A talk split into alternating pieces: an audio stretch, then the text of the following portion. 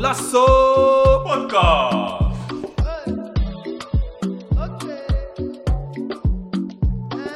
Dames en heren, op deze zonnige, mooie dag. Welkom bij alweer een nieuwe aflevering van Golasso Podcast. Mijn naam is eh, Mo Diaby. In de opstelling vandaag eh, hebben we onze vaste basisspeler uh, Sammy Mendes. Yes, we zijn er. Onze factchecker Moussa. En eh, vriend van de podcast Carlos Fortes. Yes, yes. A.k.a. Mourinho. Yes. Welkom boys.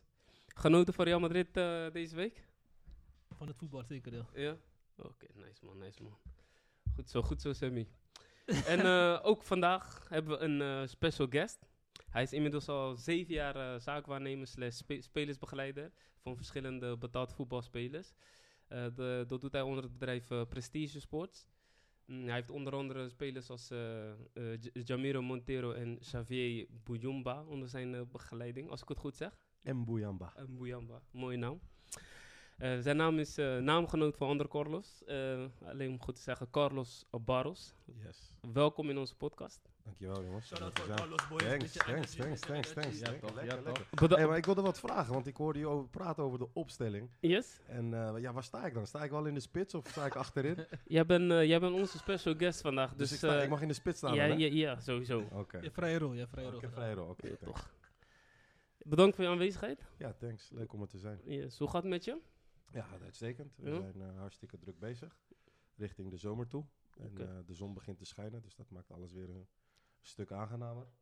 En eh, ja, allemaal gezellige mannen aan tafel, dus eh, let's go. Toch, Yes. We zijn vereerd voor je aanwezigheid. Dus eh, Dankjewel. voel je vrij om dadelijk bij te dragen. Zeker. Even kijken, ons programma voor vandaag. We beginnen dadelijk met een kleine intro van Carlos Barros. Dus wie is hij, wat voor werk doet hij, hoe ben je begonnen, et cetera. En dan volgens gaan we naar de actualiteiten van de afgelopen week. Eh, de wedstrijden die ik wil bespreken zijn uiteraard Olympique Marseille tegen Feyenoord. Aantal Feyenoorders hier aan tafel. Verder, eh, voor mij persoonlijk, de wedstrijd va- van de week. Real Madrid, Manchester City. Dat was ook wel genieten, ja. Ja, toch, dat kan je ook wel zien aan mij, denk ik. Het mooiste shirt die ik met aan heb hier zo. Zit je altijd tegenover Sam met, eh, met dat shirt? Of, eh, alleen? Sammy heeft een moeilijk seizoen tot nu toe. Lastig. Deze dagen wel... Dus Real Madrid City wil ik bespreken. Verder ook de wedstrijd van vandaag AZ Ajax, die inmiddels ook al gespeeld is. Geëindigd in eh, 2-2. Ehm, even kijken. Ja, zeker. En dan eh, wil ik, af, eh, wil ik eh, verschillende competities eh, doornemen. Sommige competities eh, is er al een kampioen bekend, zoals onder andere in Frankrijk, PSG, Spanje, Real Madrid, in Duitsland bij München. en in helaas in Portugal Porto in plaats van Benfica. Yes. Dat Ja, doet ja, ook wel pijn. Ja. Ja. En dan eh, Italië wil ik ook nog even door hebben. Daar is nog geen kampioen eh, bekend. Spannende competitie. En dan vervolgens eh, onderdeel stellingen. We hebben ehm, twee stellingen van, eh, vandaag. Stellingen slash topics. Ehm, de eerste, dat is een voetballer heeft geen zaakwaarnemer nodig. Oftewel, een voetballer is, eh, kan zonder een eh, zaakwaarnemer... daarmee redt hij het gewoon goed af. Je, je lacht zelf al. dat is goed. En dan als tweede is ehm, Car- Carlo Ancelotti de beste coach aller tijden. Hij doet het nu natuurlijk fantastisch met eh, Real Madrid. En hij heeft in het geschiedenis ook eh, een paar keer bewezen dat hij gewoon een eh, topcoach is. Ik vind dat een hele interessante topic. Yes. ja. Zeker. En dan eindigen we met een eh, quiz voor onze special guest vandaag. Oh. Dilemma's quiz. Had je me wel op mogen voorbereiden dan. Ja. Kijk, kijk even naar Sammy. Ja, we hebben een paar bronnen ingeschakeld voor jou, Carlos. Dus, Sterk, sterk. ja? Houd me scherp. Toch. Ja, zoals ik net al in het begin a- aangaf, even, even naar jou toe kijkend, Carlos eh, Barros. In dit, ik ga jou verder in de podcast gewoon Carlos noemen. De andere Carlos noem ik gewoon Fortes. Die Fort, Fortus Mourinho had ik begrepen, toch? Ja, hij toch. is voetbalcoach. Ook En, eh, goed, ook goed. Maakt niet Hij kijkt ook een beetje als Mourinho. En ik zit tegenover hem, dus ik kan het echt goed zien. Hij Dus- kijk boos. Kijk boos. Boos. Ja, Carlos eh, Barros, welkom. Ja, dank je. Ja, zoals ik al zei, van, eh, kan je even een kleine introductie geven voor jezelf? eh, wat je nu momenteel doet en hoe ben je allemaal gestart eh, als zaakwaarnemer slash spelersbegeleider? Eh, kan ik zeker vertellen. Ik eh, ben dit jaar 40 geworden. Dus eh, een Ami aard- Bejo. aardig jubileum moet ik zeggen. Maar eh, ik voel me toch nog wel fit. Eh, ik ben ook pas vader geworden van een, eh, van een zoontje. Dus Oh, Gefeliciteerd, man. Gefeliciteerd. Ja, thanks. En eh, mijn vrouwtje is, eh, is Kroatisch. Eh, dus dat, eh, ja, dat kan misschien wel een kleine Modric worden. Maar, eh, Inshallah. inshallah. Inshallah. Maar eh, ja, dat zijn zware tijden, man. Hè. Ik weet niet hoe het met jullie is, maar dit is mijn tweede. Ik was vergeten na die eerste hoe, hoe zwaar het eh, hebben van een babytje is. Oké. Ja, Maar eh, we zijn er gewoon. En ehm, ja, al ondertussen inderdaad zeven jaar spelersbegeleider slash zaakwaarnemer. Eh, bewust geen eh, voetbalmakelaar. Kan ik misschien straks wel op ingaan. Ehm, dus eh, ontstaan vanuit een passie. Eh, ik heb altijd, eh, ben altijd ondernemer geweest na mijn studie HBO. En dat heb ik eigenlijk tien jaar, tien jaar lang gedaan. Dat ging be- best wel goed. Alleen op een gegeven moment wil je meer. En toen ben ik ook een tijdje op sabbatical gegaan.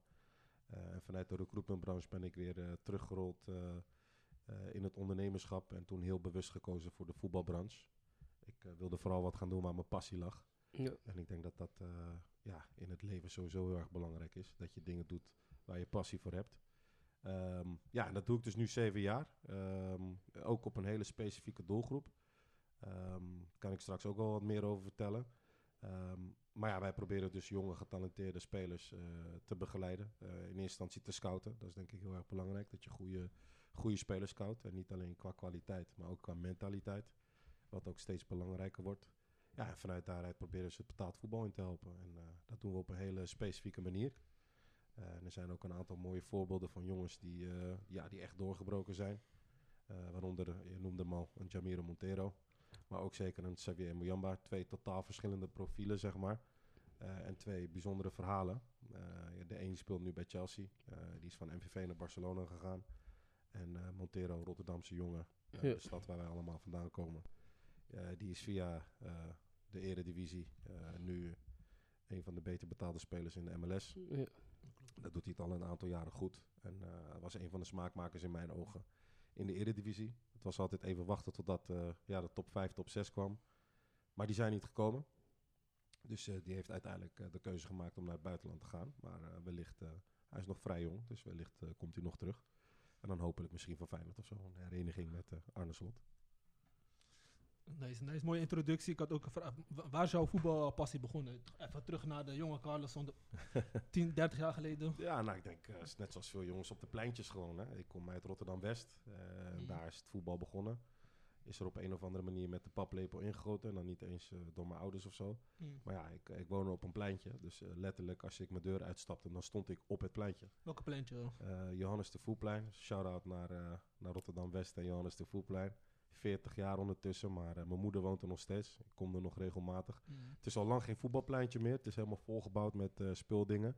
Maar dat was toch wel een van de betere pleintjes. Voor, voor de mensen die niet exact weten waar dat zit, kan je het even een beetje uitleggen? Nou, waar, ja, waar het zit? goeie vraag. Je hebt, eh, je, hebt de, je hebt de Middellandstraat, je hebt de Kruiskade, je hebt de Virambachstraat. Mhm. Eh, en dan ergens bij de Middellandstraat heb je een zijstraat. Eh, vroeger had je volgens mij Radio Correct. Alle KVD'anen weten nog wat dat is. Ik, Ja. maar de, dat is de oude generatie.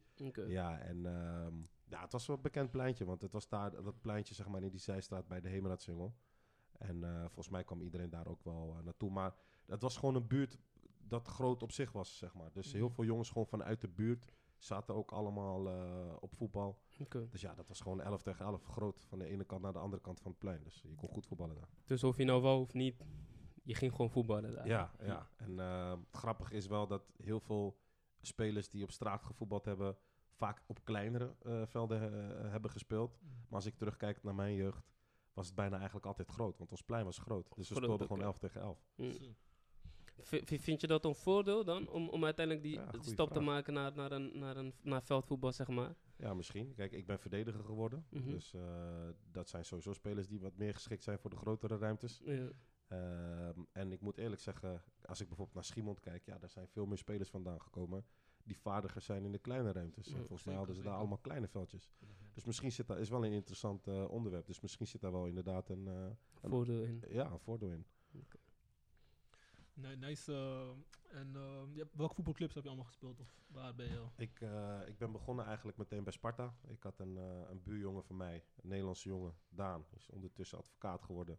Ik nog steeds heel goed contact mee. Eh, en die ging bij Sparta voetballen. En dat was, mijn, eh, ja, dat was mijn beste vriend destijds. En dan praat ik over een tijd dat ik 6, 7 jaar was. En eh, ja, ik wilde heel graag op voetbal. Maar mijn moeder die kon mij niet brengen. En mijn vader was niet in beeld. Ehm, die was weer heel druk met andere dingen. Want ik, ik ben een van de twintig, dus ik heb allemaal broers en zussen. Dus volgens mij was die heel druk met andere dingen doen. Ja, we hebben ook jouw broertje een keer in de podcast gehad, Gio, Giovanni. Oh, leuk. Serieus. Ja, ja, ja. Hij zei het, Mm. joh. Ja, ja. En ehm, grappig. Maar eh, ja, vanuit daaruit bij Sparta terechtgekomen. Eigenlijk eh hele jeugd doorlopen. Ik heb met jongens gespeeld als eh, David Mendes da Silva, Riga Mustafa. Dat zijn eigenlijk de twee jongens die nu bij me opkomen. Die, die het ook echt hebben geschopt. Mm. Victor Cross, de, de keeper. tot betaald voetbal. Van die lichting ben ik. Ehm, Daar heb ja, jij samen mee in, ja, in elftallen gevoetbald. En, ehm, en het grappige was dat David Mendes, ik denk misschien tot een jaar of 11, 12 nog niet eens zo heel goed was. En eh, dat hij ineens, ja, weet je, heel veel spelers maken vanaf een bepaalde periode ineens een stormachtige ontwikkeling. Ja. En, ehm, en ja, bij hem is het fantastisch gegaan. Want hij heeft uiteindelijk het Nederlands elftal gehaald. En dat kunnen er niet veel zeggen, denk ik. Hij is een van de weinige kabels toch? ook. Dus eh, Precies. mooie prestatie, man. eh.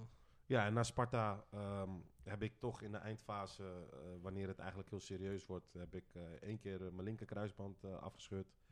En toen ook met, eh, aan de andere kant. Ja, dat is toch best wel een teken dat misschien het betaald voetbal je, er niet voor je, voor je in ligt. Ik wil niet zeggen dat als ik mijn kruisbanden niet had afgescheurd, dat ik dan een eh, profvoetballer was geworden. Maar ik denk dat ik uiteindelijk gewoon net niet goed genoeg was. Maar ik denk dat heel veel kwaliteiten die ik had als voetballer, eh, ik wel heb meegenomen in mijn hedendaagse rol als spelersbegeleider, zaakwaarnemer. Ik was wel echt een winnaar. Ik wilde altijd winnen. Ik speelde ook altijd om te winnen. Ik was een harde speler. No nonsense. Eh, maar tegelijkertijd, ja, Sparta school. Weet je, ik kom van een tijd dat Sparta ja, een van de beste clubs en beste jeugdopleidingen van Nederland was. Dus als een Ajax of PSV of een Feyenoord naar, eh naar Vreelust kwam, ja, dan, dan, dan verloren ze vaker dan dat ze wonnen van ons. Dus dat zegt ook wel wat over toen de tijd dat we in Rotterdam-West al ja, echt sterk waren in Nederland. Weet je? Dus Ja. als je dat vergelijkt met ook een Ajax, ja, die, die won niet zomaar bij Sparta. Mm. Eh, en je ging, uiteindelijk zag je dat er heel veel spelers van Sparta naar, naar Ajax gingen, zeg maar. Ajax ging heel erg spelers eh, halen in, in Rotterdam. Is nu wel wat minder geworden. Maar eh, ja, zodoende ben ik uiteindelijk wel nog blijven voetballen. Eh, een beetje op top amateurniveau. Voor Feyenoord, voor Sparta. Oké. Maar uiteindelijk ben ik eh, ja, toch eh, voor een maatschappelijke carrière gegaan. Mm. En hedendaagse zaakwaarnemer. En even die brug slaan, wa- waarom ben je zaakwaarnemer geworden? Wat, wat trekt je daar aan? Wat vind je het mooiste? Ehm, ja, goede vraag. Want het, eh, vanuit die tijd ehm, merkte ik dat er best wel veel jongens waren die echt heel goed waren. Ehm, en gek genoeg zijn denk ik misschien 80 tot 90 procent of misschien wel meer van die jongens die echt heel goed waren, gewoon geen profvoetballer geworden. En achteraf gezien eh, ga je daar heel erg over nadenken. Want in die tijd denk je van ja, die wordt op 100% voetballen. Dat is, dat is gewoon een gruwelijke speler. En eh, ja, en dan kom je jongens tegen in de voetlokker en, eh, en weet ik veel wel niet waar. ja. En dan zie je eigenlijk... Terwijl je ergens anders verwacht. Wat doe ja, je hier? eh, precies. En eh, daar, daarop terugkijkend denk je bij jezelf van... Hoe is dat eigenlijk mogelijk? Maar ja, eh, het loopt dus wel zo. En dat heeft me heel erg getriggerd. Ja. Weet je, dat... dat ik, had, ik was nog steeds heel erg passievol over voetbal. Terwijl ik eigenlijk eh, in de commerciële economie zat. Ehm, en ehm, dus ja, uiteindelijk gedacht van... Hé, hey, maar is het misschien niet interessant om iets te gaan doen... om jongens te helpen eh, het wel te halen... in plaats van eh, het niet te halen. En voor sommige jongens zelfs net het verschil te zijn dat ze het wel halen. Uh, ja, en dat tot, tot, tot op de dag van vandaag geeft dat mij uh, ongelooflijk veel energie. Uh, om, om te zien dat je voor jongens het verschil net wel maakt in plaats van net niet. Weet je, ik heb spelers, ja, voordat ze doorbraken, ja, waren ze 21, hadden ze een, ja, geen leuke baan, fokt op baan. Ja, ja. Uh, en was het eigenlijk een beetje uitzichtloos. En dan, ja, dan ontmoeten ze mij. En dan maken we een plan. En dan gaan we serieus aan de slag. En ik ben ook wel veel eisend. Uh, de jongens die wat langer bij me zitten, uh, die ik begeleid, die weten dat ook wel. Ik ben kritisch, veel eisend, altijd eerlijk. Maar wel iemand die voor, voor de max gaat. En ja, zodra een speler talentvol is en, en dat ook heeft, ja, dan, dan doe je samen hele mooie dingen. En, en kan je ons een goed voorbeeld geven van een speler? Weet je, van, Ja, een, van, een, van een traject waarbij je dacht van daarbij is het echt goed geslaagd. Ja, sowieso. Shout-out naar, uh, naar Jamiro Montero, Mm. een jongen van uh, Rotterdam-West. Die eigenlijk uh, symbool staat ook voor Prestige Sports. Is eigenlijk toen we net begonnen waren, een van de eerste geweest die, die bij ons kwam in de begeleiding. Um, ja, te klein, te dun, noem maar op. Alles wat je maar over hem kon opnoemen als excuus om, om hem niet de kans te geven en hem niet eh, te zien als profvoetballer werd hem gegeven. Werd eigenlijk tot zijn 21ste overal weggestuurd daarvoor. En eh, ja, ik zag vooral, ik, ik zie, niet, niet eens ik zag, ik zie vooral de dingen die spelers wel heel goed kunnen. En als dat van exceptioneel niveau is, dan is dat voor mij voldoende aanleiding om, eh, om daar verder op, op in te spelen. En, en ja, soms wat details in het spel te veranderen. Kijk, eh, Miro is echt een, eh, echt een straatvoetballer. En zo voetbalt hij die ook op het veld. Ja, dat moet je er dan wel uitkrijgen.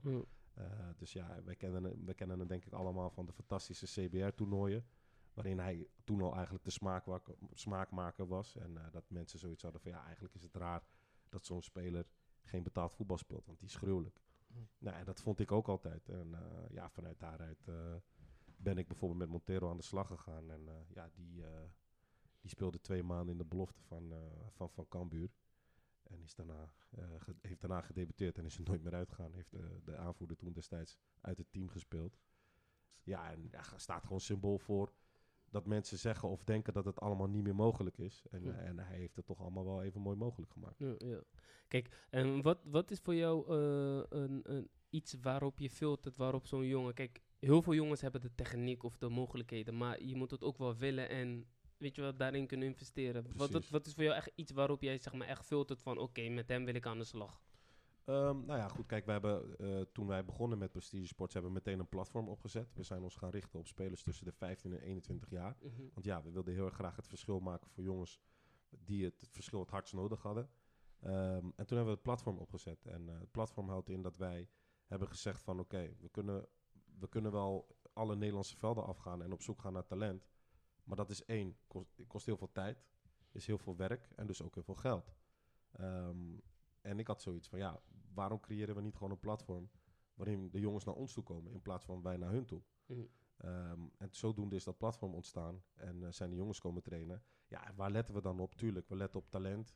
We letten op basiscomponenten die heel erg belangrijk zijn in het hedendaagse voetbal. Snelheid, eh, technisch-tactisch vermogen, ehm, ehm, toch ook een stukje fysiek. Ondanks dat Jamiro zo op het oog dat niet lijkt te hebben, Mhm. maar toch wel erg taai is aan de bal. Eh, en ook met zijn snelheid eh, in de eer- op de eerste meters ja, met heel veel snelheid op je af kan komen en daardoor best wel veel kracht eh, kan ontwikkelen. Maar waar we echt op letten en wat Jamiro in overvloed had, was honger. Weet je, Mm. wij vinden het heel erg belangrijk dat als je in een jongen zijn ogen kijkt, dat hij dezelfde soort honger heeft als wij. Dat hij de eerste is en de laatste op het trainingsveld. Ja, en dat is Jamiro. Weet je, en, ja, een liefhebber, weet Mm. je, van, van het spelletje. En eh, ja, dat is toch wel nodig, want een voetbalcarrière is ja, ups en downs. Eh, je moet daarmee om kunnen gaan. Nou, hij heeft daar tot zijn 21ste alleen maar mee om moeten gaan. Dus ja, zoals we dat zeggen, hij heeft de kelder gezien. Ja, en eh, als je eenmaal de kelder hebt gezien en je wordt losgelaten, ja, dan heb je honger. En dus hij, ik kan me herinneren dat hij debuteerde tegen Mokocho, Gutierrez en Hakim Ziyech. Zo. Eh, dat was een gruwelijk debuut. Eh, hij kwam denk ik 25 minuten voor tijd in. Nou, hij speelde ze helemaal zoek op het middenveld. En die Henk de Jong die zei meteen na de wedstrijd van... Nou, er kwam bij ons een klein mannetje binnen. Ja, geweldig. Dat was gewoon genieten. Ja, en dat, ik, dacht, ik, ik hoorde hem het zeggen en ik dacht bij mezelf van... Ja, dat vonden wij ook. mooi spelen, mooi spelen. ja, Ja, zeker. zeker. Dus ja, die honger. Honger is belangrijk. En met honger bedoel ik niet alleen maar roepen en zeggen dat je honger hebt. Maar in alles laten zien dat je honger hebt. Mm. En ehm, ja, hoe, hoe, is eh, hoe is het bij jou begonnen, zeg maar? Hoe, hoe ben je te werk gaan om, om spelersbegeleider te worden? Ben, heb je bij mensen, net als Mino Reoli, geen stage lopen bij eh, Rob Jansen? Of ging je, Ja. gewoon zelf boys benaderen? Ja, dat is een heel grappig verhaal. Kijk, ik, ik wilde eigenlijk voor een bureau werken. Dus ik eh, ging als best wel jong persoon, ging ik gewoon overal solliciteren. Mm. En ehm, ja, wat me verbaasde is dat niemand me wilde aannemen. Mm. En niet omdat ik van mezelf vind dat iedereen me, me moet aannemen, maar ik had zoiets van ja, ik heb genoeg competenties.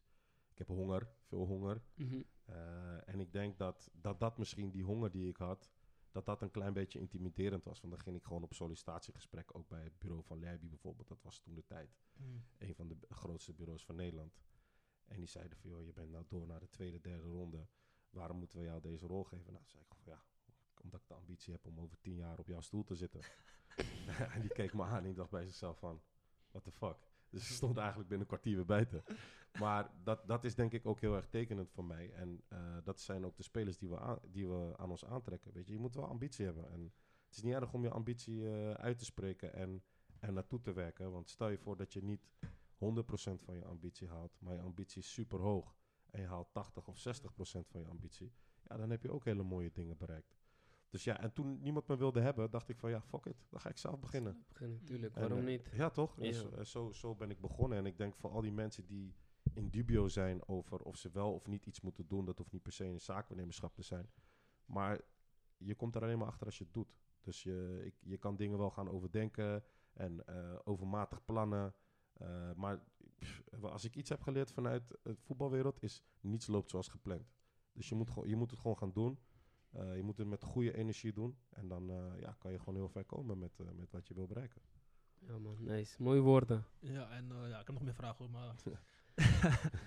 ja, maar, ja, Het is, nee, ja. Ga door, ga door. mensen een beetje in de wereld brengen, toch? Maar wat zijn je adviezen voor iemand die zaakwaarnemer wordt of spelersbegeleider? Want het is niet altijd even leuk, want ja, je hebt ook zo'n spelers die je teleurstellen, hoor ik ook Ja, uitfalen. klopt. Maak je afspraken en dan komt hij niet na of iets. Klopt. Ik denk het grootste advies die ik eh, geef is dat mensen het niet moeten onderschatten. Weet je, heel veel mensen denken van ja, ik ga in die business beginnen. Ik ken één of twee spelers en ik ken één of twee sportief directeuren. Ik heb een netwerk. Ja. Eh, let's go. Weet je, maar het, het, ligt, het ligt veel dieper dan dat. Weet je, en eh, één, je moet heel veel geduld hebben. Mm. Eh, en je moet, als je, de, je moet er ook in zitten voor de long run. Weet je, als je alleen maar snelle home runs wil maken, ga je het niet redden in onze business. Eh, het is een taaie business. Het is ook een business geworden met het wegvallen van, van, de, van de licentie. dat de markt is vrij geworden. Mm. Dus ja, letterlijk eigenlijk iedere slager of bakker kan eigenlijk als hij wil spelers begele- eh, niet spelersbegeleider zijn, maar wel bemiddelen. Mm. Ehm, dus mijn advies is wel, eh, onderschat het niet. Ehm, en ehm, zorg ervoor dat je ook over zoveel mogelijk competenties beschikt. En je bent uiteindelijk net zo goed als, je, als wat je presteert. Dus ja, ben je twee, drie jaar, vier jaar zaakwaarnemer en je, en je kijkt kritisch naar jezelf en je hebt nog niet zoveel gepresteerd, dan is dat vaak een teken dat je er ook niet zo goed in bent. Mm. Weet je, je moet, je, eh, je moet gewoon heel goed scouten. En ik zeg, je moet gewoon heel goed scouten. Alsof het iets heel makkelijks is. Maar ik denk dat het het allermoeilijkste is Mm. eh, binnen ons vak. Eh, ik denk dat als je de verkeerde spelers scout, dat je ongelooflijk veel tijd en energie steekt in de verkeerde spelers en dus in de verkeerde mensen. Eh, en daardoor dus heel veel tijd, energie en geld kwijtraakt. En dat is heel demotiverend met alles. Weet je, als je iets doet en je raakt heel veel kwijt en je krijgt er niet zoveel voor terug. Fortis is trainer. Ja, als je heel veel tijd en energie steekt in je, in je spelersgroep en je krijgt er te weinig voor terug, is niet motiverend. En nou, dat is eigenlijk hetzelfde bij ons. Ja. Je had het net over eh, competenties, hè? Ja. Van, eh, je, moet, je moet op een gegeven moment moet je wel gaan zeggen van, nou, gewoon eerlijk naar jezelf zijn van, heb ik deze competenties? Wat, wat, wat, wat zijn voor, volgens jou de competenties wat een zaakwaarnemer, spelersbegeleider moet hebben om, om een beetje te kunnen slagen? Goeie vraag. Eh, ik, ik probeer altijd aan te geven dat, kijk, spelers begeleiden en zaakwaarnemerschap, eh, dat zijn uiteindelijk ook twee hele Twee- verschillende dingen. Klopt. En als je allebei kan, ben je eigenlijk een hele goeie. Mm. En ik denk dat ik het allebei kan. Mhm. Ik denk zelfs dat ik nog meer daarin kan. Maar eh, de essentie is spelers kunnen begeleiden en zaakwaarnemerschap. Kijk, het zegt het al, je moet zaken kunnen waarnemen. En als jij te weinig kennis hebt van zaken en je kunt een aantal zaken niet waarnemen, dat betekent dus dat een ander dat moet gaan waarnemen voor de speler. Of dat de speler dat zelf moet doen, met alle gevolgen van dien. Ehm, en het spelersbegeleidingsaspect, dat ligt misschien iets dichterbij wat iedereen ook wel kan. En dat is een stukje mentoren, stukje empowerment, eh, maar ook een stukje op de inhoud, weet je, qua voetbal. Dus heel veel mensen die iets met voetbal willen doen, hebben Mhm. vaak ook wel voetbalinhoud. Eh, alleen ja, het stukje, het component zaakwaarnemerschap, ja, je, je krijgt contracten van spelers. Je, je moet voorwaarden onder, voor, voor ze on- uit onderhandelen. Je moet scenario thinking doen. Dus ja, een speler kan een contract gaan tekenen. Als hij daar bij voorbaat niet zo heel erg over nadenkt, ja, dan is de kans heel groot dat hij iets tekent waarbij hij niet voorzien heeft. Dat als hij op de bank komt, of in het tweede of het derde jaar graag weg zou willen, of dat de Ajax voorbij komt en Ajax je wil kopen, dat je denkt van, ah, verdorie, maar ik heb voor vier jaar getekend. Dus eh, Sparta of een andere club mag zelf bepalen hoeveel zij voor mij vragen en of ze mij nog hier één of twee jaar langer aan mijn contract houden. Ja, kijk, dat, dat, dat zijn allemaal scenario's. Een goede zaakwaarnemer probeert daarop vooruit te zien. En uh, dus ja, als, als, als de topic is van heeft een speler een zaakwaarnemer nodig, ja, dan uh, dat is net alsof je een, een, een, naar een rechtszitting moet zonder advocaat. Dus dat zou ik, zou ik niemand aanraden. mooie, mooie woorden. Daar, daar, gaan we het, uh, daar gaan we straks op in. Ja. Maar in ieder geval bedankt voor je introductie. Ik weet niet of, uh, of Sammy nog ik iets kan nog een laatste vraag. Ja? Van, uh, waar, we, waar wil je naartoe? Wat, zijn- wat, is je, wat zijn je grootste uh, doelen? Of vraag. uh, wat je wilt delen natuurlijk? Eh, ja, rest in peace? Mino, Mino Raiola. Mm. Maar eh, ja, dat, dat is het niveau waar ik, eh, waar ik naartoe wil. Weet je. En eh, ik wil gewoon een van de beste, eh, niet eens de grootste. Eh, ik denk dat als je gewoon een van de beste bent, dat je automatisch ook een van de grootste bent. Dus ik wil gewoon een van de beste zaakwaarnemers worden die er is. Nou, ik ben nog relatief jong, 40, dus ik denk ik heb zeker nog wel 20, 30 jaar te gaan. En eh, ja, met de beste wil ik... Ik wil niet alleen de grootste spelers hebben, ik wil ehm, de mooiste verhalen hebben. Ja. Weet je, dat, dat lijkt mij het, het vetst. Weet je, als je gewoon kijkt naar het verhaal van Jamiro, weet je, of, of van Xavier Mbuyamba. Ja, als ik straks 60 ben of 65 en ik zit ergens aan het tafeltje met een flesje grog en ik kijk terug op mijn leven en ik praat er met mensen over, ja, dat je wel fantastische verhalen hebt over dingen die je hebt kunnen bewerkstelligen. En dat als je op een tribune zit en naast de moeder van een speler zit omdat hij zijn debuut maakt en de, de tranen rollen over de wangen, Mm. omdat iedereen eigenlijk al een beetje had opgegeven dat iemand profvoetballer wordt en die jongen wordt miljonair. Ja, dat, dat, dat is onbeschrijfelijk. Dat, Mooie vrouw. ja, dat, dat zijn goede dingen. Weet je? En Mm. dat maakt je denk ik groot en Mhm. goed. Ja. Dus eh, Ja, sowieso. Ik- Ik vind, ik vind zelf persoonlijk het verhaal van Jamir ook super mooi. Want ik kan me herinneren dat we, ik weet niet meer hoe lang het geleden is. Wij voetballen af en toe op Statenweg. Dat is hier in- Dat is, dat, dat, dat is hier in kort Blijdorp. gezegd, hij maakt ons kapot. Plein, Oh, hij maakte iedereen brok. pleintje Rotterdam Blijdorp. Dus eh, je, je zag sowieso al van, wat doet deze man hier, joh. Ja. Dus Sammy is een goede, goede vriend van mij. Ik wist dat het zijn eh, neef was. Dus ik vroeg aan hem van, eh, wat doet deze gozer hier, weet je wel? Van, eh, die zit hier gewoon tussen ons te voetballen. Ja. Ja, dus een mooie verhaal, man. Kijk, weet je wat het is? We kijken tegenwoordig heel veel voetbal. En eh, kijk, op het allerhoogste niveau zit je sowieso op je puntje van je stoel. Weet je, Champions League is nu in deze finale rondes. Is dat gewoon genieten wat je allemaal ziet. Mm. Maar als je gewoon gemiddeld naar een wedstrijd gaat, ja, hoeveel spelers kunnen jou echt op het puntje van je stoel krijgen? Die, eh, dat je zoiets hebt van, hey, die is echt bijzonder, man. Die, Ja, die, die, veel. die- die- die- snap je? Je En ik- extra. Ja, Die extra. ja. En ik, ik heb bij Jamiro altijd gevonden van, ja, hij heeft iets extra's, weet je. Je gaat naar hem kijken, je denkt bij jezelf, hij is zo klein, hij is zo dun. Maar hoe doet hij dat allemaal? En Mm. iedereen denkt dat over hem. Mm. Waardoor je continu zoiets hebt van, hey, ik wil meer zien, ik wil meer zien. Hoe, Mm. weet je? En iedere keer denk je van, ah, dat gaat hij niet redden. Mm. En dan, boom, dan redt hij dat wel. Ik, mis- soms mis ik dat wel een beetje, weet je. Dus ik, ik heb van tevoren ook Die, spel, die spelvreugde, toch? Dat je, wat je ziet bij Ja. spelers, weet je wel, van dat ze Ja. dingen laten zien, Dat dat, ze- zie je weinig. Dat zie je weinig, ja. Dat, of niet, niet alleen vreugde, want hij is dan niet per se een speler die heel veel vreugde laat zien.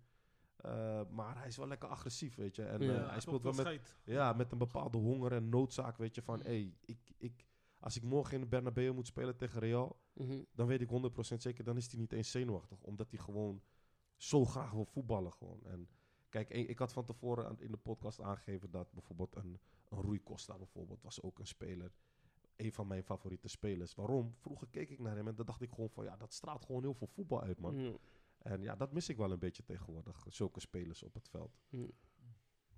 Ja. Maar oké, mooie woorden. We gaan even door naar de actualiteiten. Mhm. Bedankt voor je introductie trouwens. Thanks. Eh, ja, het is natuurlijk een mooie week geweest. Eh, Champions League, eh, Europa League, Conference League. De wedstrijden daarvan wil ik even bespreken. Ik wil beginnen met Feyenoord. En Of die natuurlijk met een aantal Feyenoorders zit. Uh, Carlos gaan een liedje zingen of wat? Olympique Marseille, Feyenoord. Feyenoord is door naar de finale. Carlos Ik ga- ik ga- Fortes, ik wat ga- vond je van die Ik wedstrijd? ga sowieso niet zingen om te beginnen. Hey, Ja, nee, Finale dat is wel Carlos, beter. Conference League. Kom op man, we zitten in de finale man. Mijn vader is echt een Olympique Marseille fan en ik heb genoten. Na iedere doelpunt belde ik die man totdat hij niet meer wou opnemen. Eh, ja, Feyenoord, eh, we hadden het net over. Je- De hand van Arne Slot was echt duidelijk kenbaar. En als je zag Olympique Marseille, de eerste wedstrijd hebben ze Feyenoord echt onderschat. Ja. Dat heeft hun echt pijn gedaan. En hij wou Ja. pressie gaan spelen. Heel veel ruimte achter de verdediging. Maar ja, Sinistera de- en Dessers. Spelers met diepgang. Ja. Ja, Leuk feitje, Arne Slot is de trainer die eh, Jamiro Montero ontdekt heeft. Ja, klopt. Ik had ook, ik, ik, zei Jamiro, eh, er was, er was een eh roddel, iets. Ik, ik zeg Jamiro Montero misschien naar Feyenoord. Dus Instagram, Jamiro, Ja. kom je naar Feyenoord? ik, wil, ik wil goede kaartjes. Ja, ja, ja, ja. ja. Hij was bij Cambuur, toch? Ja, nee, hij, hij zat toen al in, eh, in Amerika. Maar het was geen roddel, het was echt zo. Ja. Ze hebben gepolst. En, eh, Ja, begin, van, begin van dit seizoen, toch? ja, ja, Ja, wij waren ook heel erg geïnteresseerd. Eh Jamiro woont tegenwoordig op, tegenover de Kuip. Dus eh, ja, dat had, eh, had een inkoppertje geweest. Maar alleen, eh, Jammer. Eh, thank God eh, verdient Jamiro hartstikke veel geld in Amerika. Ja. Dus eh, Ja. zij konden dat niet betalen. En eh, ja, dan houdt het voor nu even op. Was wel mooi geweest. Ja, dus ik, ik, maar ja, mooi geweest. Ik denk dat het kan, nog steeds kan gebeuren. Zeker zolang Arne Slot daar zit. Dus eh, het is, de, ja, de deur is vanuit ons eh 100% open. Dat Ja. weet Arne ook. Ja, Mooie dingen, mooie dingen. Maar die wedstrijd eh Olympic Marseille Feyenoord, ja, Feyenoord heeft eigenlijk gewoon eigenlijk heel zakelijk gespeeld.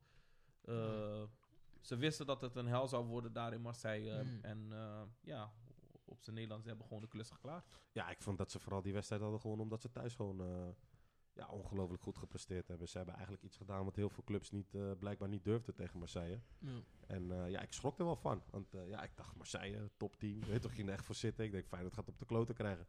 Eh, niet dat ik geen vertrouwen had in Arne Slot en die boys. Maar ja, ze gingen de boel afjagen en ze grepen eh, Marseille gewoon bij de keel gewoon.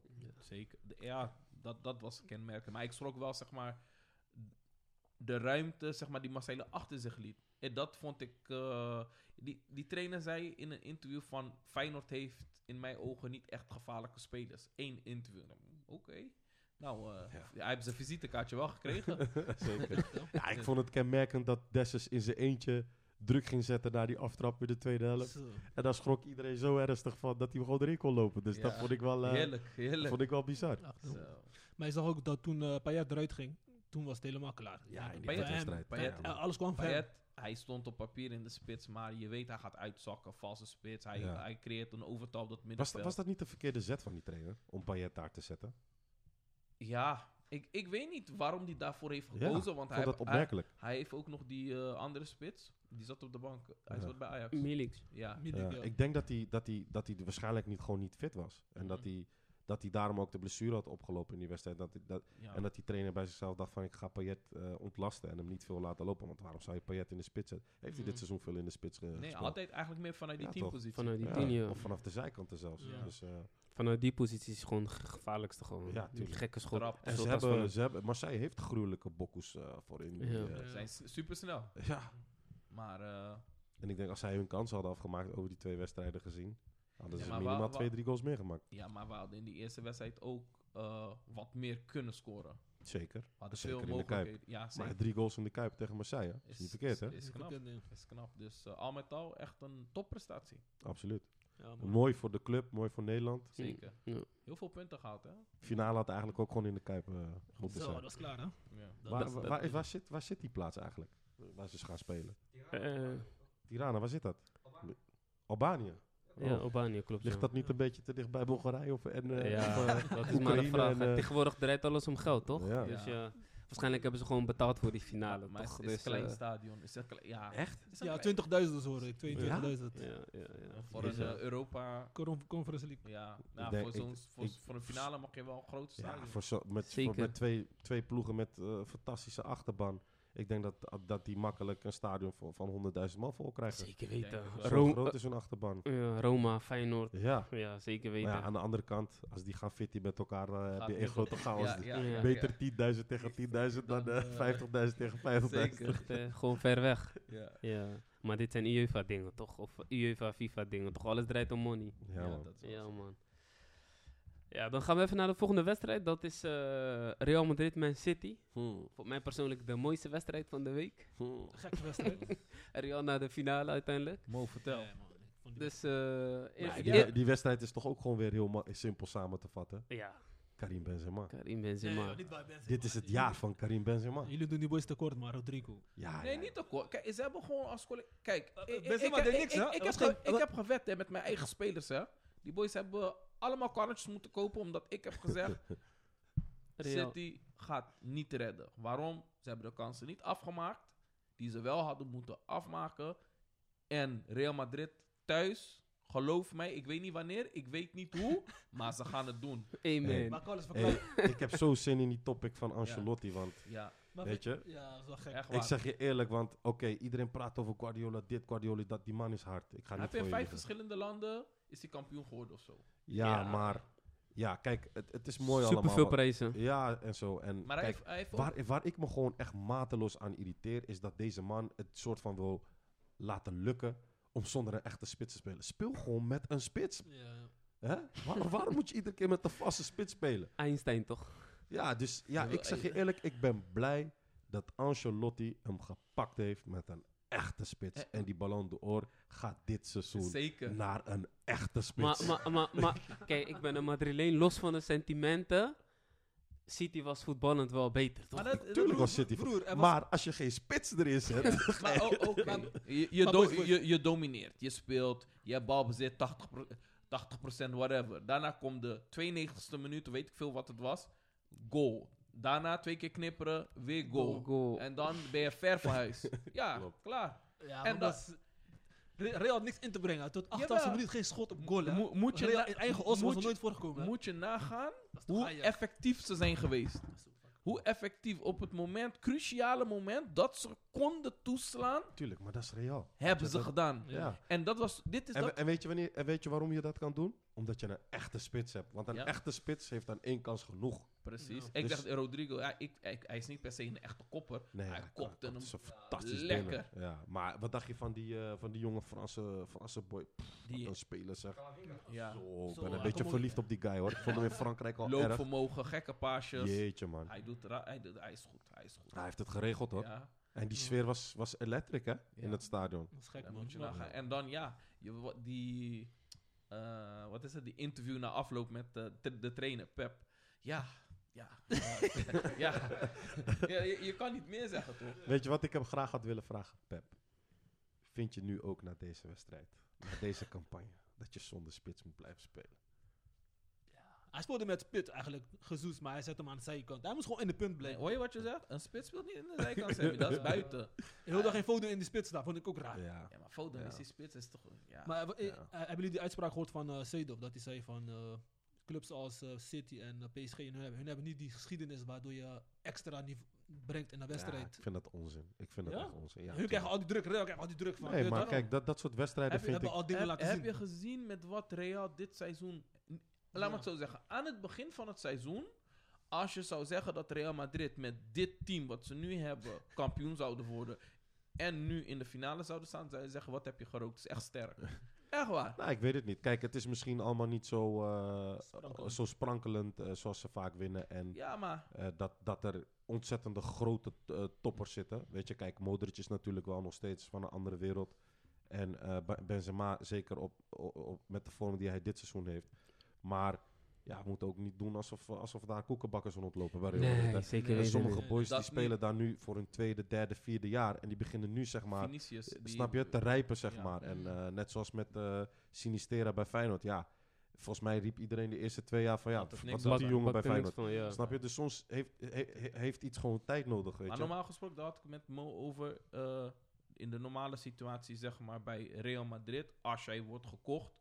Dan, heb je, dan, moet je, dan moet je er staan. Ja, moet je er meteen staan. Gelijk. Ja. En nu zeg maar met die jongens Rodrigo, Vinicius, Valverde, die, hoe heet die, Camavinga. Ja. Hij, die jongens krijgen tijd om wat je zegt te rijpen. Precies. En uiteindelijk zie je wel dat het vruchten ja, wat dacht je van een Nacho? Toen hij in het begin doorbrak, dacht ik van, ja, dat is toch geen Real Madrid waardige speler. Mm, En als jij ziet hoe hij eh, die wedstrijd uitspeelt als aanvoerder van het team, ja. gruwelijk. Echt een is echte Spaanse, weet je, ik vond die Sergio Ramos-achtige vibes kreeg ik van hem, weet je. En, Mhm.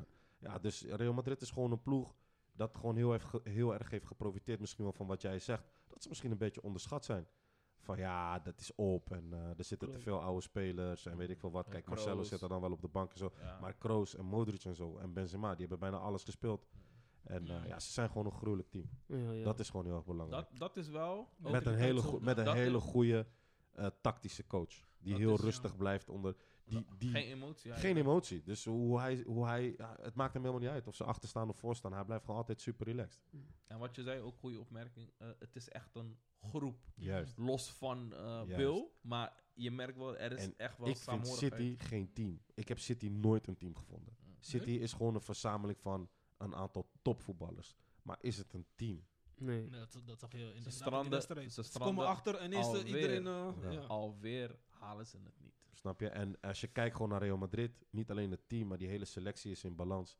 Als je kijkt hoeveel spelers hij heeft gebruikt over die twee wedstrijden, wat die spelers allemaal brachten, welke spelers allemaal accelereerden ineens, ja, dacht ik van wow. Mm. Weet je, Mm. van, er zit eigenlijk heel veel diepte in die squad van, van Real, die Ancelotti goed heeft verstopt. En nu heb ik gewoon zoiets van, ja, ze gaan Liverpool ook pakken. Want iedereen weet wat, iedereen wat Liverpool, weet wat Liverpool is. Maar heeft Liverpool die, die depth in de squad? Ja. Heeft Liverpool iemand die ze van de bank kunnen laten komen? En waarvan, wij- waarvan wij allemaal straks gaan zeggen van, wow, heeft Nee. Liverpool dat ook? Wat ik toch? bedoel? Diaz was laatst ingevallen. Nee, maar gewoon als je kijkt, de spelers die invallen bij Real Madrid, die brachten ook wat. Ja, die maken het team ook gewoon sterk. Ja, dus het is, het is zeg maar niet dat ik iemand eruit haal en je team wordt zwakker. Nee, Mm. het wordt misschien wel beter. Ja. Ja. En, Ja. en stel je voor, die de meeste van die boys zijn nog allemaal jongen. Dus kijk naar de toekomst van, Ja. van die club. Dat hebben ze heel goed gedaan. Hè? Heel Er zit goed gewoon gedaan. echt een beleid Ja, achter. Ja, want er was wel een tijdje zo van, net zoals bij Barça, weet je, dat ze zoiets hadden van, hé, hey, zo, het einde tijdperk van een aantal echt grote spelers. nou, dat- Als je kijkt hoe Barcelona dat heeft opgevangen Ja, ik- Slecht. en hoe Real Madrid dat heeft is opgevangen. wereld van verschil. Wereld van verschil. Ja, en die- dat is niet eens een, een money kwestie. Kijk, tuurlijk, Real heeft veel te besteden, maar dat heeft Barcelona uiteindelijk ook nog steeds. Als je, als je kijkt, gewoon, dit, is- sorry Sammy, is jouw club, maar kijk de verschil. Messi gaat weg bij Barcelona, Ja, wereld stort in. Maar Ronaldo is ook weggegaan bij Ja. Real Madrid. Maar Ja, maar eigenlijk het eerste seizoen hadden ze wel moeite. Le- Eerste let's go seizoen- on. hey, eerst- hey, één seizoen hadden ze Real Madrid, heeft geen. Euro- Real Madrid heeft geen Europa League gespeeld. En, ga- en gaan we ook een tijdje die spelen? Sorry, sorry Sammy. Ik hou van jou, maar dat moest ik wel even zeggen. kampioen geworden. Het is denk ik moeilijk om nu Barça-fan te zijn, of niet? Nee, joh, Sammy nee, heeft het nee, echt nee, lastig hoor. En weet je wat ik... Ik Ik heb ook seizoen zo- goed gemaakt toen wij Fino hadden gewonnen van Real. En Hey, maar als Frenkie weggaat, wat, wat gaat gebeuren daar dan? Ja, wordt moeilijk man. Even kijken. Even kijken. Gavi, we hebben Gavi op P3. Dus, eh, Ga- Frenkie ben je toch Jong. niet... Mos. doe maar Frenkie, hoe hij nu speelt, is ook niet rendabel. Ja, maar hoe hij nu speelt heeft toch te maken met de coach? Ja, ja. Maar ja. de Als coach je gaat zo'n goede coach gaat speler... binnenkort niet weg. Nee, die gaat sowieso nog niet weg. Maar als, als ze Frenkie de Jong niet aan het draaien gaan krijgen, dan eh, gaat Barça nog één of twee jaartjes nodig hebben om eh, de boel daar op de rit te krijgen. Want Ja. Frenkie is toch echt, kan toch echt wel de architect zijn van dat team. Ja. Frenkie is anders hè. Ja. Ja, Frenkie man. is Ik vind eh anders. Frenkie Cruyffiaanse dingen doen hoor. Ik, Mm. hij, doet mij, hij is de enige speler die mij heeft doen denken aan Cruijff Zeker, sinds, he- sinds Cruijff in. Nederland. En wat ik ook een lichtpunt vind bij jullie is Ansu Fati. Alleen hij is vaak geblesseerd, man. Ja, Ik vind dat hij echt weinig hem- kansen nodig je, heeft. hij moet naar Real komen, is beter. Ja, Ja, man. ja. Dus, ja, maar eh, het seizoen is voor Real, man. Eh. Ook gewoon ze Maar strijden, gewoon ze terugkomen. Die motivatie is boem hoog daar. Gewoon Denken jullie niet dat, opgeven. dat City nu, zeg maar, want ze hebben nu een eh, paar jaar achter elkaar, hebben ze net geen, of tenminste geen Champions League gepakt of niet de finale gehad. Is het niet een bepaalde druk waardoor ze nu ook laatst, zeg maar, hebben weggegeven? Zo, of mag ik het niet zo zeggen? Ze hebben het gewoon weggegeven eigenlijk. Vind ik wel. Het is gewoon Ja, een- ik, ik, denk, ik, denk, ik denk uiteindelijk is Guardiola dan wel echt zo goed. Of zit de slijter misschien een beetje op bij Guardiola. Ja. Want uiteindelijk, ja, je kan heel veel wedstrijden goed spelen en domineren. En prachtig voetbal spelen. puntje Ja. bij het, paaltje. ja, en, en, en het publiek vermaken en noem maar op. En dat iedereen jouw boeken koopt en weet ik veel wat. maar je moet toch gewoon lekker gewoon winnen. Je moet toch gewoon door alle Dat- Maar belangrijkste kijk, kijk, wedstrijden kijk winnen. wel waar hij trainer wordt. Hè. Ik denk als jij morgen trainer, eh, zeg maar in de tijd van Guardiola, trainer zou worden bij Barcelona, met die spelers tot jouw Snap je wat ik beschikking. bedoel? Als je bij Bayern München, Bayern München, wanneer is Bayern München geen kampioen geworden? Ga Ja. daar. Weet je, dan kan je ook Manchester City. Ja. Hè, die, die kast is eh Laat, onbeperkt. laat, laat hem de dingen doen die Mourinho heeft gedaan met Porto en dat ze, Nee, weet dat je, en. Inter. Daarom krijgt? Mourinho bijvoorbeeld Ja, meer respect. kan- ik, ik, weet niet, ik, nou, ik vind dat hij te weinig credits krijgt, vind ik. Ik weet niet, Mourinho wordt Wie altijd... Mourinho? Ja, maar wordt Ja. altijd een beetje lacherig Maar over dat- hem gedaan. Maar dat komt ook door zijn eigen attitude, Maar- toch? maar met, Hoe hij zich soms gedraagt. maar vinden jullie, Guardiola dan fi- een fijne verschijning voor de camera? Ja, Luister, met, toch Por- anders. met Porto Champions League winnen, Ja, dat is crazy. Mm, gaan we, mm. We gaan we niet meer... Ik denk dat ik het niet ga meemaken. Ja, dat is... Dat is En hij, en hij is nu ook weer gewoon in een finale, hè? ja, precies. En dan wanneer, dadelijk wanneer... hij- wanneer hij- dan, als hij zou winnen, dan heeft hij alle Europese dingen gewonnen.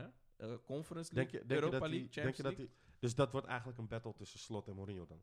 Ja, ik denk... Sowieso eh, en, en ja... eh, die- Mourinho gaat die wedstrijd doodmaken, maar.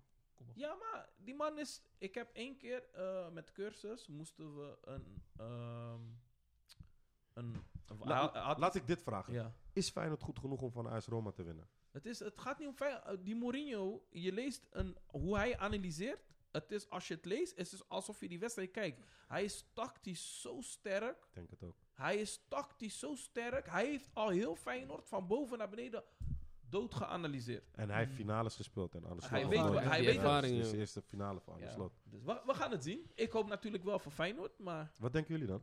Is Feyenoord goed genoeg om AS te pakken? Ja, ik denk het wel. Als ze gewoon spelen hoe ze altijd Ja. spelen, gewoon druk zetten op die laatste linie, gaan ze, gaan ze breken, man. Want Eh, uh, eh, AS Roma is geen voetballende team.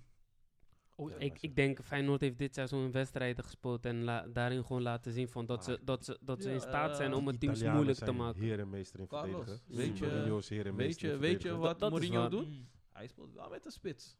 Ja, en die spits is goed. Abraham, hij prikt, hebben we gezien. Ja. Boom, go. Ja. Hij, is, hij is niet gek hoor, hij is niet achterover Ja, ik, ik, zou het mooi, ik zou het fantastisch vinden en natuurlijk ben ik gewoon voor Feyenoord. Maar Moeilijk. ik, ik, zie, ik zie het somber in. Ik, Ja? denk, ik zou er niet eh, slechter kunnen treffen. Ik denk, AS Roma is echt een... Met zo'n coach, geslepen ploeg, geslepen land, geslepen coach. Ja, en Feyenoord is alles behalve geslepen. Wat, wat, wat, is, wat is een scenario wat volgens jou gaat eh, plaatsvinden, denk ik? Ik denk dat het, ehm, ik denk dat het wel redelijk gelijk opgaande scoren wordt. Eh, ik denk niet dat eh Mourinho is niet een coach die vol op de aanval gaat spelen en, en de tweede en de derde erbij wil maken. Dus ik denk dat hij na één golletje zegt van, het is prima zo boys, we gaan helemaal niks meer weggeven. Laat Feyenoord maar komen en dan eh, prikken ze er nog, nog eentje in Ja. als, als die valt en dan is de wedstrijd dood. Dus jij geeft de cup aan eh, Roma. Ja, kijk, eh, om, om, om heel eerlijk te zijn, geef ik Feyenoord weinig kans. Ik denk dat ze op zich wel een goede coach heb- hebben die het goed kan analyseren en misschien wel met een heel goed strijdplan kan komen. Maar ja, wat je zegt, AS Rome heeft gewoon, ja, gewoon hele specifieke kwaliteiten. En die, het hoeft niet eens een echte wedstrijd voor ze te zijn om, om die wedstrijd te winnen. En bij Feyenoord heb ik altijd het idee van, ja, sommige dingetjes moeten wel allemaal op de juiste plek vallen. Wil Feyenoord een wedstrijd kunnen winnen, bij wijze van spreken. Ja, Weet je, met ja. Dessus die iedere keer op wonderbaarlijke wijze eh, goals maakt in de laatste minuut en zo. En eh, ja, die goal die hij maakt tegen Marseille, die derde, dat slaat toch helemaal nergens op. Mm. Ik- dat is gewoon PlayStation. Dat is gewoon van je gaat druk zetten. Je verovert de bal. en voor de bal gewoon 1 tegen 11 gewoon. Ja. Weet je, dat is gewoon als je met FIFA eh, drie man een rode kaart hebben gehad en je wint die wedstrijd nog steeds. Gewoon omdat het team gewoon zegt van ja, oké, ja, je komt pressen, ja, let's go, hier, geef de bal maar. Ja. En vind je dat ook, Sammy? Of volgens jij een andere wedstrijd? Heeft Feyenoord het echt afgedwongen? Die afgelopen wedstrijden of gaan ze tegen... Ja, die afgelopen wedstrijden. De eerste wedstrijd thuis sowieso, hoe ze gingen druk zetten, hadden ze echt af- afgedwongen. Eens. Echt druk zetten. Andere wedstrijden eh, tegen hoe die... eh, Oostenrijk. Ja, was ook afgedwongen. Maar de terugwedstrijd, maar ik denk Mourinho gaat die wedstrijd doodmaken. Hij gaat, Ja. hij gaat hun eh, niet in het spel laten die- tegen Ajax in de Europa League finale. Ja, ja, Maar toen had hij de spelers ook ervoor. ja, hij had één wissel. Hij brengt die, eh die Belger in. Toch? Ja. En, eh, eh, toen ja. was het, eh, ja, leuk tik op middenveld. Nu komt eentje, alleen kracht. Maar ik moet jullie ook, boy, ik moet jullie ook eh, wat zeggen. Ik, ik vind Slot ook echt een hele goede trainer. Slot dus hem, hem moeten we ook niet onderschatten. Slot niet onderschatten. Slot- Hij, hij weet ook wel waar hij mee Slot bezig is. En eh, Ah, op ah. zich heeft hij, goede, hij, heeft, hij heeft een goede organisatie staan. ja, Klopt. daarom. Hadden, je kan, had ik net met de Carlos erover, je kan wel duidelijk zeg maar, de hand van slot in Feyenoord zien, de manier Mm. hoe ze spelen nu. En ja, daar krijgt hij gewoon alle credits voor. Ja. De spelers geloven ook in hem. Dus je ziet die boys gaan echt Ja, ik denk dat hij vooral niet de, de, de afwachtende houding moet gaan aannemen. Nee. Ik denk dat hij, dat hij Mourinho moet verrassen en dat hij iets moet doen waardoor Mourinho weer moet schakelen. Ja. En als hij zeg maar Mourinho in de kaart speelt door altijd te doen wat hij altijd heeft gedaan, dat Mourinho, wat jij zegt, Mm. heel snel eh, die wedstrijd dood heeft geanalyseerd. Duidelijk, duidelijk. Jullie conclusie, Roma pakt de cup. En dan wil ik even nog teruggaan naar de Champions League Real tegen Liverpool. Wie gaat die pakken? Liver- Liverpool. Liverpool. Kijk, maar dat komt gewoon omdat je tegen Real bent. Je moet stoppen Wacht, met wacht, dit. wacht. Je gaat Sammy, weer in Sammy, een rare model. Wat, Sammy. hoezo gaat Liverpool winnen van Real? Liverpool. Sammy, ik, ik, ik, Mag ik even onderbouwen? Mag ik even onderbouwen? Ja. ik, ik onderbouw mijn geld. Ga Ik onderbouw mijn geld. 10 euro nu. Gelijk. Ik zet ook tientje hoor. 10 10 euro. Ja, 10 hier, euro. ja, ja, ja, hier. Oké, 10 euro. dan Bij mooie, deze. mooie deal. Real. Zonder te twijfelen. Finale. Was het- Real gaat niet kunnen belopen. Ze gaan weer hopen op Niet Rodrigo. kunnen be- Semi man, Wa- niet belopen? Belo Die, mannen zijn heet die Het linksbuiten? is jammer. Hey, maar, eh, ik, Hey, wil- maar ik wil ze- niet vervelend zijn, maar is dit een replica of zo? Wat zou die sterren op het shirt van Real Madrid die je aan hebt? Broer, weet je hoeveel sterren wij hebben? We hebben veel Ontelbaar, sterren. ontelbaar. Ja, ja, ja. We hebben hem vaak gepakt, hè, broer. Luister, Ja, weet maar- je hoe vaak ze de Champions League hebben gewonnen? Dinges komt, eh, Liverpool komt van overal. Kunnen maken ze, maken Luister, je zegt ze kunnen het niet belopen. Heb je gezien die versnelling? Fabinho en eh dinges. Hoe heet hij? eh, Thiago Silva middenveld. Thiago- gezien- hebben we gezien hoe ze... Heb je het gezien? snel verleggen. Heb je, Is klaar. heb je die Ja, maar versnelling heb- gezien? Sammy- derde doelpunt van Real Sammy, Madrid tegen Sammy, City. Sammy, middenveld van Madrid is ook geen grap, hè? Ik zag, zien. ik zag Luka ook, maar Modric. het is geen, het is Luka geen grap. Het is geen grap, man. We zullen het zien, man. We zullen het zien. Zowel fysiek als technisch, Sammy. alles. Compleet. En, finale is één wedstrijd, Ik, dus er kan veel gebeuren. ik wil die 10 euro gestreken. Mm. Is goed, kom goed. 10 Ja. euro. Oké, boys, we gaan eh, door naar de volgende. Ehm, ja, AZ Ajax heb ik hierop staan. Die is geëindigd in 2-2. Verwachte uitslag? Ja, ik zie dat Feyenoord net ook eh, 2-1 maakt. Dus dat, eh, Oké. misschien is Ajax eh, alsnog kampioen straks. Zo, kijk aan. We maken eigenlijk zo'n kampioen dus. Maar als PSV, dadelijk, als PSV gewoon wint, wordt het wel misschien spannend dadelijk. Ik denk dat het voor het Nederlands voetbal goed zou zijn als eh, Een andere club dan Ajax kampioen wordt. Ja, Hoe- hoe- Hoezo eigenlijk? Nou ja, Ajax heeft natuurlijk al een tijdje nu gedomineerd. Ja. Eh, is, is de rijkste club van Nederland. Gaat een moeilijke periode tegemoet. Ze moeten echt goed flink verkopen. En met het vertrek van Overmars moet je toch maar gaan bekijken of dat ook echt goed gaat gebeuren. Want ja, het, het is wel even een verschil of je met Mark Overmars onderhandelt of, eh, of met iemand anders. Ehm, ja, en, en, en het, is, het wordt nu gewoon tijd voor dat de rest van Nederland aansluit bij eh, de top van Nederland. Want AZ heeft het eventjes geprobeerd, is niet meer gelukt. Feyenoord probeert het nu en hopelijk misschien met straks een financiële injectie. Omdat ze een goede coach hebben en een, een fantastische kuip. Dat ze ook weer echt top 3 kunnen zijn. Want Fey- ik vind Feyenoord top dit jaar, maar nog steeds niet in mijn ogen echt top 3. Het gaat eigenlijk maar tussen PSV. Maar dat, Eh, dat, en is- Ajax. dat, dat is een financiële kwestie. Ik zeg voor Feyenoord, eigenlijk ondenkbaar. We- Havenstad, ik denk dat er wel hier genoeg financiële middelen zijn. Maar Nee, dat, ik denk dat je daar heel erg in vergist. Ja? Zeker als je dat Ja. afzet tegen PSV en Ajax. dat, Wat Feyenoord wij lopen nu op dit moment ja. doet, is echt ongelooflijk goed. Als Feyenoord Met de middelen die ze hebben. ja, met de zeker. middelen die ze hebben. Dus als zij nu nog serieuze middelen erbij zouden hebben. Weinig middelen. Ja, als je kijkt, wat, lo- wat loopt er nou bij Feyenoord? Weet je, wat, eh, als je dat vergelijkt met wat, wat de marktwaarde is en wat, wat Nee. eh, Voor, PSV en Ajax heeft betaald voor die seizoen, andere spelers. eh, ik heb veel Ajax-fans. ja, ja, wij ha- zij halen Klaassen bijvoorbeeld. Wij halen Diemers. ja, Wij halen, eh hoe heet die, Prato. Zij halen Haller. ja. Doet, is- doet pijn in mijn hart. En ik zeg, ja, Klopt. ik hoop dat eh, financieel dat we ook gewoon stappen kunnen maken. Dat we echt bij de top 3... Ik denk, ik Ja. denk dat Feyenoord het inderdaad eh, nodig heeft. En ik hoop dat de competitie nog eh, spannend gaat worden. Dus eh, daar wil ik het even bij houden. Wil ik even door naar de volgende. Dat is de kampioenen. In, eh, Mhm. in heel veel competities is de, is kampioen al bekend. Frankrijk, PSG. Ja, ja, was te verwachten te toch? verwachten. Ja, hè? hoeveel punten zijn ze kampioen geworden? 15 punten of zo? Ja, best wel Ja, groot verschil. Dat is toch helemaal niet leuk? Dus En ik- Marseille ik, ik, daarachter. volg het ook, ik volg het ook bijna Nee, eh, Je weet er- eigenlijk, ja, het is net als Duitsland. Oh, heel, nou, hoe, hoe vaak is het voorgekomen dat eh Bayern München geen kampioen is geworden? Afgelopen 10 jaar misschien eh, Ja. twee keer of zo. Ja. ja, Dus bizar. ik, ik, ik vind dat dat neemt echt heel veel aantrekkingskracht weg van een competitie. Ja. Ja. Als je toch al iedere keer weet wie de kampioen wordt en zo. Ik vind, Ja. Dan kan ik veel meer genieten van eh, de eredivisie of misschien zelfs de keukenkampioen-divisie. Ja. Omdat het ja. gewoon zo onvoorspelbaar is en Mm. tot op het laatste moment spannend en zo. Aan dan- beide kanten degraderen, promoveren. Dan vind ik eh, Spanje ook nog wel aantrekkelijk. Jawel, omdat je daar jawel. meerdere toep, ploegen hebt. Maar ja, Bayern Ja, München. maar Al, was het, al was het dit seizoen ook wel wou- ik zeggen, hoor. ik kijk even naar Sammy. Wie is kampioen geworden in Spanje? Real Madrid. dankjewel, dankjewel, ik, vind, dankjewel. ik ben wel sportief dat je ons gewoon het respect geeft. Ja, ja, ja, ja. Want ik, ik, Sportief, merkte, ik merkte een beetje dat die Barça-fans een beetje hotel werden, weet je, de laatste jaren. Ze dachten van, ze domineerden heel die Spa dat Spaanse voetbal, zeg maar. Maar eh, het is toch wel even weer duidelijk wie de koninklijke zijn. Ja. Ja. In de laatste 22 jaar is Bayern München alleen zes keer niet kampioen geworden. Yes. Bizar, Wat- bizar. Facts checken hoor. Ja, Ik zie alleen Dortmund, Bremen, Stuttgart en Wolfsburg. Ja. bizar, De rest allemaal, ja. Is ook, eh, is ook niet echt leuk dan om te checken. Maar ja. Ja.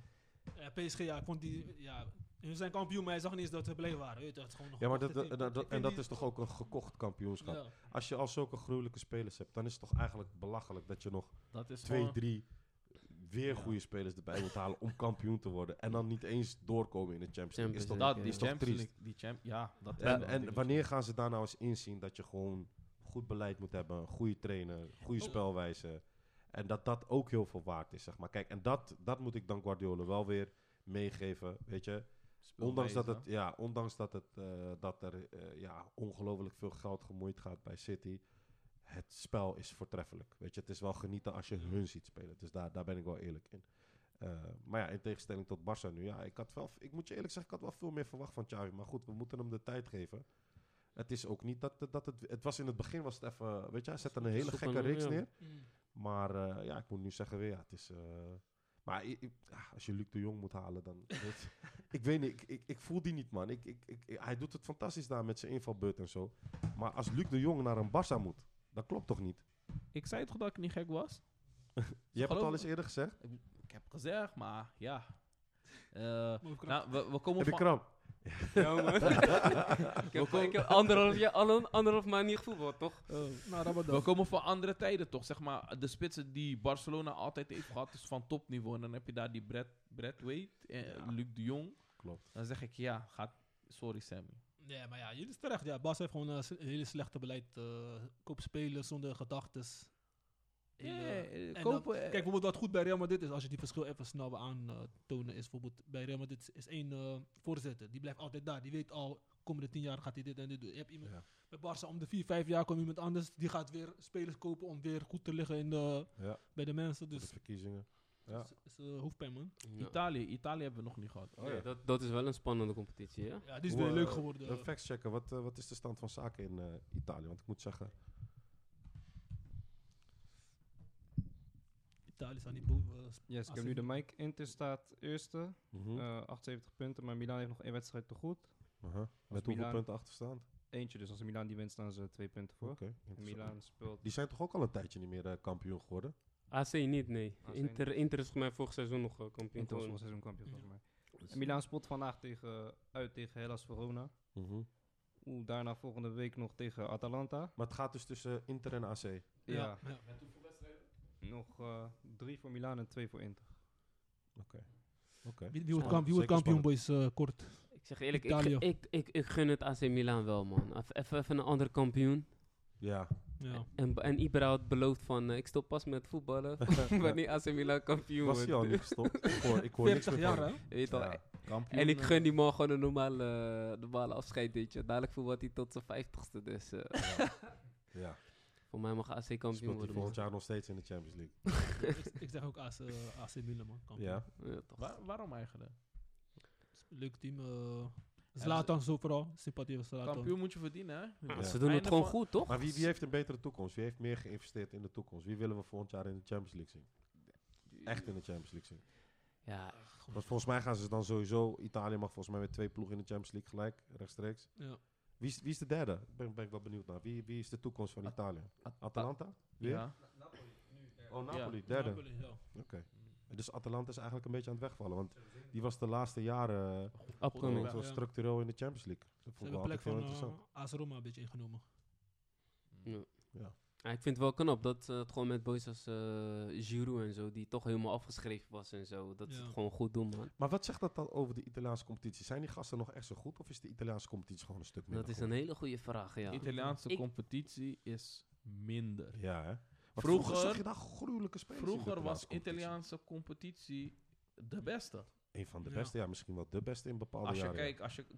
Matarazzi, die... eh, Ja. Ne- En structureel Nesta. ook ver in de Champions League. Altijd wel een. Italiaanse Mm. ploeg, zeg maar. En, AC Milan? En je had en veel... nu, dit jaar, die zijn, er allemaal, die zijn allemaal snel terug. vroeg ges- Je had ook hè? meer Italiaanse teams in de Champions League. Ja. Moet je denken aan Lazio. Juventus. Ja, ja, Juventus.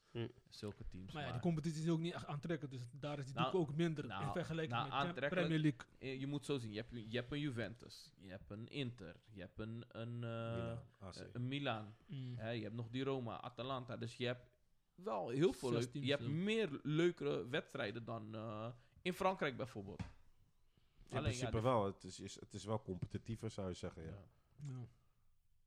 Ja. Nou, misschien minder aantrekkingskracht, hè. Ik denk dat dat En weet je wat me ook opvalt? Nauwelijks tot geen Nederlandse trainers meer in Europa en al helemaal niet in Italië. Mm, mm. Hoe kan dat? Ik weet niet. Ja, eh, eh, Ze- train- ze vinden Nederlandse ons- trainers. Ze eh, vinden ons tactisch echt kaka dan. Nou, ik denk de, de Nederlandse school. Soms zie ik wel eh, buitenlandse vacatures. En die gewoon die. Nee, je maakt grap. Als jij zeg maar in Nederland jouw trainersdiploma haalt. Mhm. Staat hoger aangeschreven dan bij andere landen. Ja, Terwijl het ook allemaal UEFA nee, maar dat komt volgens mij omdat ze hier gewoon veel meer examens moeten doen. En het best wel moeilijk is. om hier. Hier is, het, hier is het moeilijk hoor. Maar ook Ja. zeg maar. eh, ik wil even A gaan doen, voorbeeld hè. Ja, Maar jij hebt hem 20 jaar geleden gedaan. Maar 20 jaar geleden was het. ja. kreeg je Kapot bijna makkelijk. gratis bij een pakje Ja. boter, zeg maar. Nu moet je en 10.000 euro betalen. Kapot veel examens. En kijken of je. Hopen dat maar, je hey, maar boys, hebben jullie trouwens gezien dat in de keukenkampioen-divisie... Nu moet je tegenwoordig examen doen in een echte officiële wedstrijd, zeg maar. Mhm. Op betaald voetbalniveau. De, UEFA de- Pro. Ja. ja, volgens mij wel, ja. Ja? En die Grunolds van, eh, van ADO, die ging op een gegeven moment eh, spelen. Nou, één had niet de beste spelers tot zijn beschikking van ADO. Verloren eigenlijk heel makkelijk, 2-3-0. Het zag er bijna niet uit eigenlijk. Fucker, als je dan je examen doet in zo'n gimma, dan haal je toch je diploma niet. Ik- Met zo'n spelersmateriaal. Ik, ik snap dat niet. Nee, maar als je, zeg maar, als je, als je examen doet... Kijk, Eh, kijk naar de uitslag, Carlos. Nee, als je, a- a- als, je, als je examen doet, zeg maar, is niet alleen de uitslag, want de uitslag is gewoon hoe die wedstrijd gaat. Maar Ja, denk- maar je, je, je, gaat, je gaat tegen de kampioen ga je spelen. Ja. Ja, en dan ga je niet met de sterkste opstelling spelen. Dus welke tactische plannen die je van Ja. tevoren had, gaan lukken dan? Ik weet niet, man. Ik weet niet. dat, is Dus, toch, eh, dat is gewoon alsof je examen moet gaan doen en je hebt niet geleerd. En je Ja, gaat gewoon bos ja, ja, Maar, ja. maar moet je niet laten zien van, wat- weet toch wat jouw plan was? Nee, en zeg maar wat je moet- ja. en dan, daar gaan ze nee, jouw cijfer wat- op wat je Ja, moet 3-0 doen Ja- Jantje Je moet kreeg, 3-0 sowieso, je dus. moet sowieso eh, heel veel... eh, je moet een wedstrijd analyseren, zeg maar. En je voor, ik speel tegen Feyenoord en ik heb eh, 3-2 tegen Feyenoord verloren. Oké, waar ligt het probleem? Wat gaan we anders doen? Probleemstelling Mm. maken, een training erop maken en dan ga je die training doen. Mm. En dan zeg maar moet je, als je aan het eind moet, gaan ze kijken van heb je de doelstelling behaald? Mhm. Ze kijken naar je wedstrijdbespreking, hoe, eh, zijn de hoofdrolspelers benoemd? Heb je jouw team benoemd? Maar is-